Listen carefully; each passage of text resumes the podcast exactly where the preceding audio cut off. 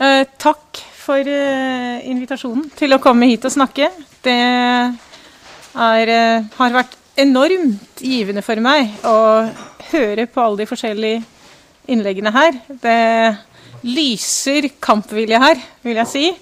Eh, Knut Alfsvåg og, og Nina Karin Monsen etterlyste i går eh, de kristne lederes moralske mot og lederskap.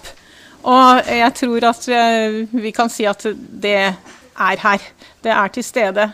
Så jeg må si at dere, alle dere som har holdt disse innledningene før meg, dere er høvdinger på deres eh, områder. Og jeg føler virkelig at jeg hopper etter Bjørn Wirkola og 100 andre Wirkolaer. Eh, men vi er kommet da til, til uh, slutten av dette uh, seminaret. Og jeg eh, er overbevist om at vi alle går veldig styrket hjem av det vi har hørt her. Uh, Tittelen på mitt innlegg, altså 'Det kristne familieliv', uh, kan sikkert gi oss uh, assosiasjoner til det rent praktiske, hvordan familie kan leve sitt trosliv i hverdagen. Uh, jeg tror at jeg har valgt å gå litt mer i retning av å se på hva som karakteriserer den kristne familie og det kristne familieliv, og hva det bidrar med i samfunnet og i frelseshistorien. Jeg håper likevel at det kan bli en uh, liten uh, peptalk. Uh, kanskje med undertittel 'Familier, vær sterke'. Familier, bli hva dere er. Og dette er ikke noe jeg har funnet på selv. Det er, en, uh, det er to undertitler som jeg har lånt av to eh, fremtredende katolikker. Den ene er erkebiskopen av Mexico City, kardinal Rivera Carrera, som sendte ut for en del år tilbake en, lite, en liten pamflett som nettopp het 'Familier, vær sterke', og hvor han med utgangspunkt i Guds ord oppmuntret familiene til å stå for de kristne grunnverdier. Og 'familier, bli hva dere er', det er Johannes Paul 2. sitt uh, valgspråk, nær, nesten ikke i, når det gjelder familien, og som han formulerte i, i sin apostoliske formaning 'Familiaris Consortio', som var et skriv nettopp til familiene. Uh, og nettopp fordi vi lever i en tid med så mange angrep på familien, både åpenlyse og skjulte, så trenger vi å være oss bevisst hva den kristne familie er, og hvordan kristent familieliv påvirker samfunnet når det leves ut. Og hva er så en kristen familie? Øyvind Benestad han pleier å snakke om fire b-er og fem k-er og, og slike huskeregler. Jeg er dessverre ikke like strukturert i hodet og ikke like oppfinnsom men vil trekke frem fire grunnleggende egenskaper ved familien som er nyttige å ha klart for oss. Både for å fronte et familiefiendtlig samfunn, men enda mer for å leve det kallet Gud har gitt oss da vi selv stiftet familier. Og vi kan kort sagt si at familien er én et kjærlighetsfellesskap. To livets helligdom. Tre samfunnets primære byggesten. Og fire den viktigste formidler av tro og kultur. Til punkt én et kjærlighetsfellesskap. Familien er et kjærlighetsfellesskap fordi den er grunnlagt på kjærligheten mann og kvinne nærer for hverandre. Og denne er igjen et bilde på og gjenskinn av Guds kjærlighet til sitt folk. Det er kjærlighet som karakteriserer forholdet mellom familiemedlemmene, som binder dem sammen og forplikter dem til hverandre. Som gir liv til relasjonene, og som bevarer og styrker deres troskap til hverandre. Familien er livets helligdom fordi mannens og kvinnens kjærlighetsforhold har muligheten til å være fruktbart, til å gi opphav til nye menneskeliv i et enestående samarbeid med Gud skaper. Og fruktbarheten er resultatet av og det levende tegn på ektefellenes fulle og gjensidige hengivelse til hverandre. Nå er ikke ektefellenes fruktbarhet begrenset til bare det å gi liv til nye barn, men den handler også om å gi videre fruktene av deres moralske, åndelige og overnaturlige liv. Og som livets helligdom verner familien om livet, om menneskelivet, fra unnfangelse til naturlig død, og er seg bevisst at jo svakere og mer sårbart et menneskeliv er, jo større krav har det på beskyttelse og omsorg. For det tredje, familien er samfunnets første og viktigste byggesten, eller grunncelle. Den har sin opprinnelse og eksisterer før det kollektive samfunn, før noen statsdannelse. Familiene er samfunnets grunnmur og tilfører det jevnt og trutt nye medlemmer. Og familien er da også den første skole i menneskelige dyder og sosial atferd. Og dette gir familien en suverenitet og en myndighet som både samfunn og stat har å respektere. Familien viser samfunnet hvert enkelt individs enestående og uendelige verdi. Og dermed betydningen av at samfunn og stat må respektere denne for å være gode å leve i for å kunne være menneskevennlige.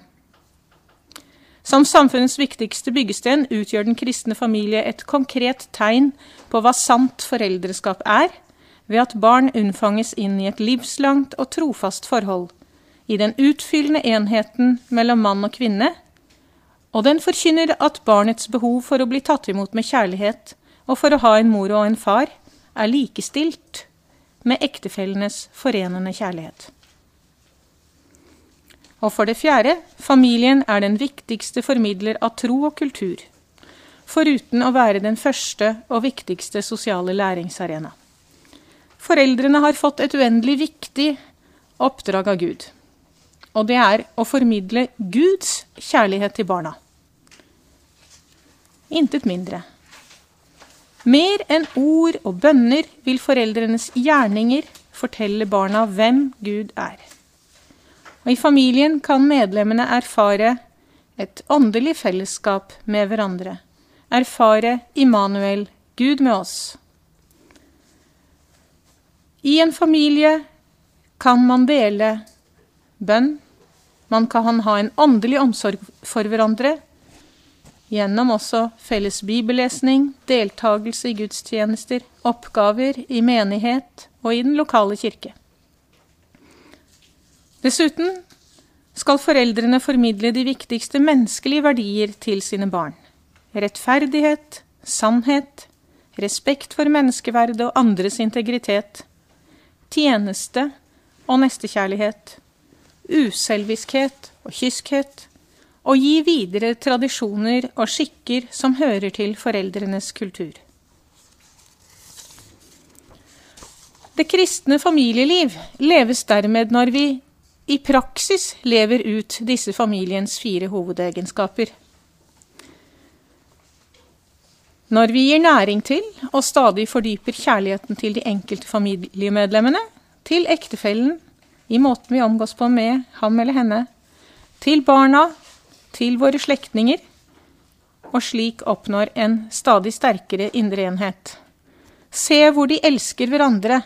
Det blir karakteristikken på et kristent familieliv. Dette blir jo også tydeligere jo større rom familien gir Kristus i sitt liv. Når vi er åpne for, at, for å lytte til hva Gud lærer oss om nestekjærlighet, det å dele med hverandre, det å ha øye for den svakeste, det å tjene hverandre. Og også når vi lever et familieliv som er åpent mot omverdenen, med vår gjestfrihet, med øye for vanskeligstilte og trengende, slik barmhjertighetsgjerningene befaler oss opptre, vil det også være et talende tegn for omgivelsene. Og når det gjelder det med at familien er hellig, eh, nei, livets helligdom, så leves det kristne familieliv når vi samarbeider med Guds skapende kjærlighet, i frihet og under ansvar når vi ønsker barn bevisst velkommen, når vi tar dem imot med kjærlighet. Da anses de ikke som en belastning, men som en velsignelse, også om de skulle komme overraskende eller trenge særlig pleie pga. sykdom eller utviklingsavvik. Og slik blir den kristne familie et sterkt og sjenerøst vitnesbyrd om hvordan mennesker bør tas imot. Om hvordan den svake kan lære den sterke og bli et helere og mer barmhjertig menneske. Om hvordan den sterke kan bringe den svakere lindring og mening i lidelsen. Det kristne familieliv leves når vi er oss bevisst familien som samfunnets første og viktigste byggesten. Erfaringen av å være en enhet og av å måtte dele alt, som gjerne karakteriserer familiens dagligliv, er et av familiens største bidrag til samfunnet. I familien lærer man å gi uten å kreve noe igjen, og gi etter gratisprinsippet. Og Johannes Paul 2. han formulerte det slik ved å respektere og fostre den enkeltes personlige verdighet som det eneste verdigrunnlag, leder denne giverholdningen til en hjertefølt mottagelighet til møter og dialog, uselvisk disponibilitet, sjenerøs tjeneste og dyp solidaritet. Og slik sett er familien det mest effektive middel for å gjøre samfunnet personlig. Gjennom familierelasjonene trekkes mennesket ut av anonymiteten og blir klar over sin menneskelige verdighet. Sitat Johannes Paul 2. igjen. Og til slutt så leves det kristne familieliv når vi er oss bevisst vår suverenitet som foreldre og som familie, som våre barns første og rettmessige oppdragere. En oppdragelse som først og fremst er til kjærlighet. Og der må vi som foreldre vi må reise oss opp og ta denne foreldreretten i eie. Og besitte den og leve den ut. Vår oppdragerrolle er både en rett og en plikt, siden det er forbundet med overføringen av livet. Og den har forrang fremfor noen andre oppdragere eller oppdragerinstitusjoners. Pga. den enestående kjærlighetsrelasjonen mellom foreldre og barn.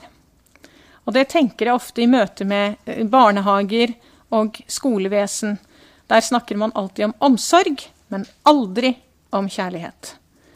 Og jeg vet at altså jeg har jo hatt mange fantastiske lærere og barnehagepedagoger til mine barn.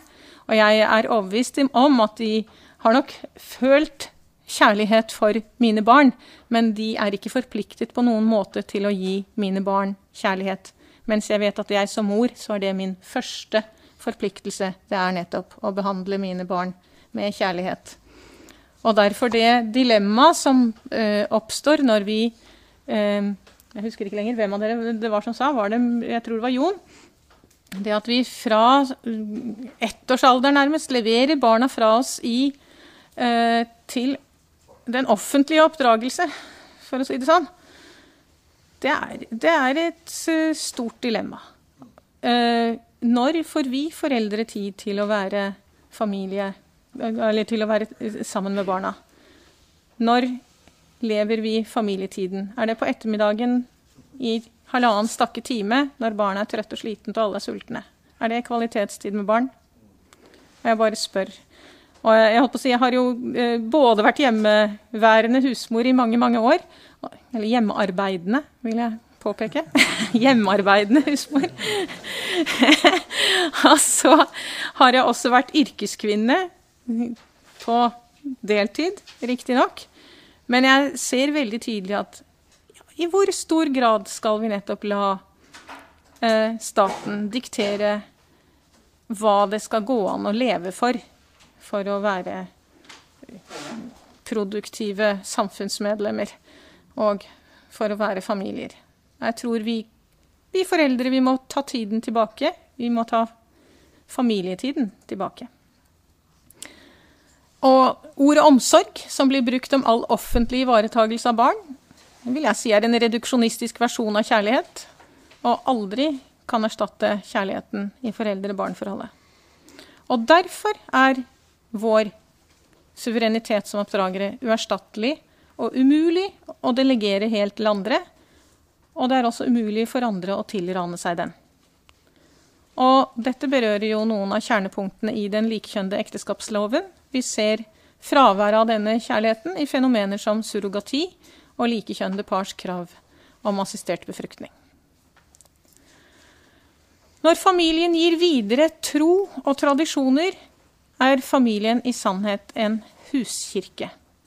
Da formidler den til barna hva det vil si å være et Guds barn, en Jesu bror eller søster, Den hellige ånds tempel, et medlem av Guds kirke. Ved å døpe barna og oppdra dem i troen gir foreldrene barna gradvis innsikt i frelsesmysteriet og styrke til å stå frem i verden som Jesu Kristi vitner. Og det er jo derfor vi ser at dette ideologiprosjektet ønsker å bryte ned vår mulighet til å gi videre troen og våre tradisjoner. Men vi skal kreve vår rett til å velge en utdannelse for våre barn som er i samsvar med vår tro. Vi skal kreve at denne retten er garantert av statsmyndighetene. Og er den ikke det, så er vi i vår fulle rett til å kjempe for at den blir garantert. Og jeg syns det er veldig interessant å merke seg hva Johannes Paul 2. skrev så tidlig som i 1986 i sin apostoliske formaning Familiaris Consortio. Hva sier han? Dersom ideologier som står i motsetning til den kristne tro blir undervist i skolene, må familiene gå sammen med andre familier. Dersom det er mulig, gjennom familieforeninger, og med all sin styrke og visdom hjelpe de unge til ikke å gå bort fra troen. I så tilfelle trenger familien særskilt hjelp fra sjelesørgere, som aldri må glemme at foreldre har en ukrenkelig rett til å betro sine barn til kirkelige fellesskap. Og jeg er sikker på at veldig mange har utrettet utrolig mye av dette helt bevisst i deres egne familier. Og i min erfaring som mor til ti barn, hvorav ett allerede er hos Gud, vet jeg likevel at vi stadig kan utfordres til å utrette mer til å gå enda sterkere og mer målrettet inn i rollen som familieoverhoder og formidlere av vår kristne tro. Jeg ser jo at jeg ofte selv kommer til kort, både i min oppdragerrolle og i mitt foreldreansvar, men jeg opplever også at ved stadig å repetere for meg selv hva som faktisk forventes av meg fra Guds side, så blir jeg mer klar over mitt oppdrag og min rolle. Og det å også komme hit, det gir meg en kolossal øyeåpner og vekker. I et større perspektiv ser jeg også et stadig større behov for at vi kristne familier søker sammen og søker støtte i hverandre. I det å vinne respekt for vår suverenitet som våre barns første og viktigste oppdragere. Og i å forsvare barnets primærrett til sine biologiske foreldre. Vår suverenitet er forankret i en uselvisk kjærlighet og det er viktig å, seg, å, å, merke seg. For det vi ser i forhold til surrogati og eh, assistert befruktning til likekjønnede par, det er jo at det er en egoistisk kjærlighet som er ute og går. Vi har en naturgitt plikt til å stille opp for barna vi har fått i gave. I gave. Igjen er det også et aspekt ved den kristne familie. Vi ser på barn som en gave, ikke som en rettighet, ikke som et krav, men som en Guds gave. Vi tar dem imot med glede, men vi eh, Hva skal jeg si konstruerer dem ikke. Vi produserer dem ikke. Så jeg holder fast ved min oppfordring fra tidligere anledninger og sammenhenger. Vi trenger en organisasjon for kristne familier her i Norge, og la oss opprette denne raskt. Og da er vi tilbake til utgangspunktet som handlet om at vi familier må være sterke og bli det vi er. Og sammen vil vi stå mye sterkere enn om vi står alene og skal leve dette ut på hver vår lille tue. Med Guds og med hverandres hjelp vil vi klare å bli det vi skal være. Kjærlighetsfellesskap som verner om livet i alle dets faser og avskygninger.